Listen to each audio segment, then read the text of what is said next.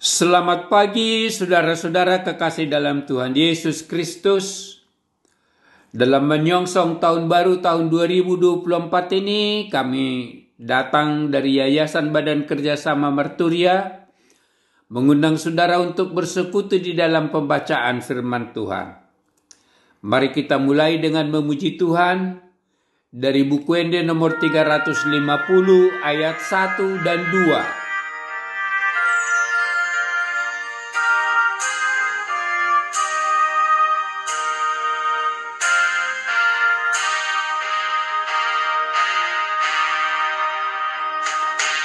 Hatihana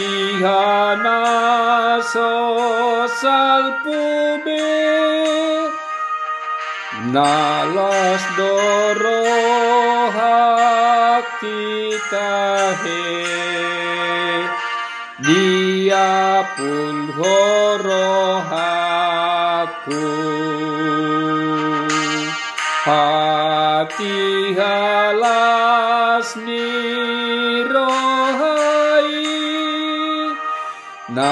Naso marlap na citi dibuat hoar satu. Nasonggok tu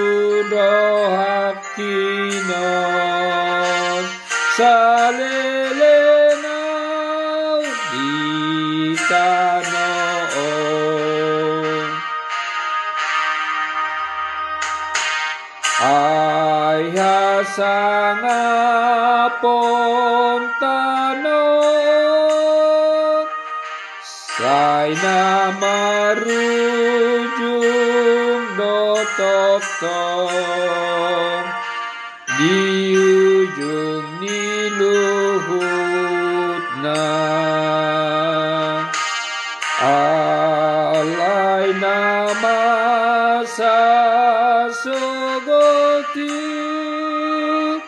Dandung marujung anggoi.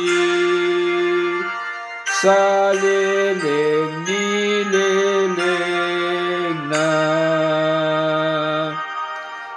Dandung demagojol mai.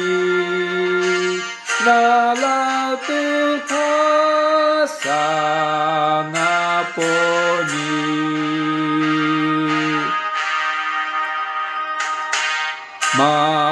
Masa yang tiada akhirnya Waktu penuh bahagia. Semua bersuka cita. Masa yang damai dan senang Tiada lagi derita Berakhirlah sengsara Yang membebani hidupku selama dunia tempatku.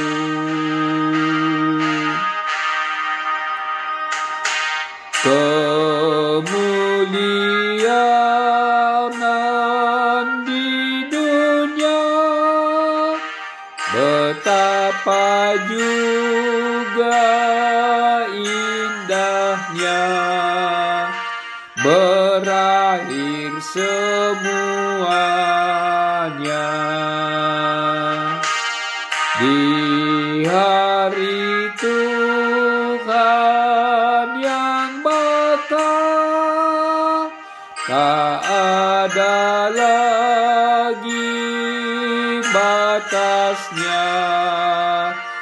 kekal selama-lamanya. Orang yang taat setia pasti bahagia selamanya.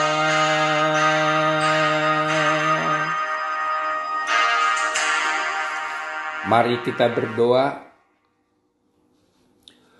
di pagi hari ini Tuhan, kami datang kembali untuk memuji dan memuliakan namamu, serta mengucap syukur atas pemeliharaanmu dalam kehidupan kami sepanjang malam ini, bahkan sepanjang tahun ini. Kami mau mendengarkan firman-Mu, berikan kami hikmat dan pengertian, supaya dapat memahami dan melaksanakannya, dan kami selalu siap sedia menyambut kedatangan Tuhan Yesus. Amin. Saudara-saudara, kekasih dalam Tuhan Yesus Kristus, firman Tuhan yang akan kita renungkan dan kita baca dan renungkan menjelang akhir tahun 2023 ini tertulis di Lukas 12 ayat 40. Demikian firman Tuhan. Hendaklah kamu siap sedia, karena anak manusia datang pada saat yang tidak kamu sangkakan. Diberi judul, Siap Sedia Menyambut Kedatangan Yesus. Kita baru saja merayakan Natal memestakan hari kelahiran Yesus Kristus. Allah turun ke bumi sebagai manusia, lahir sebagai anak bayi Yesus, bertumbuh jadi besar dan dewasa. Di dunia, Yesus telah melakukan misinya, berkeliling ke banyak kota dan desa, mengajar dalam rumah-rumah ibadat, memberitakan Injil kerajaan sorga. Yesus berbelas kasihan kepada orang-orang sakit dan menyembuhkan mereka. Yesus melakukan banyak mujizat sebagai tanda bahwa dia datang bukan dari dunia akan tetapi datang dari sorga. Sayang, banyak orang tidak mempercayainya bahkan menjadi memusuhi dan bermaksud membunuhnya. Saudara-saudara kekasih dalam Tuhan Yesus Kristus, misi utama kelahiran Yesus datang ke dunia adalah menyelamatkan umat manusia yang telah berdosa. Untuk itu Yesus harus rela mati disalibkan untuk memikul dosa-dosa umat manusia, sehingga umat manusia itu tertebus dan menjalani hukuman dari menjalani hukuman maut dan dilayakkan menerima keselamatan dan kehidupan kekal.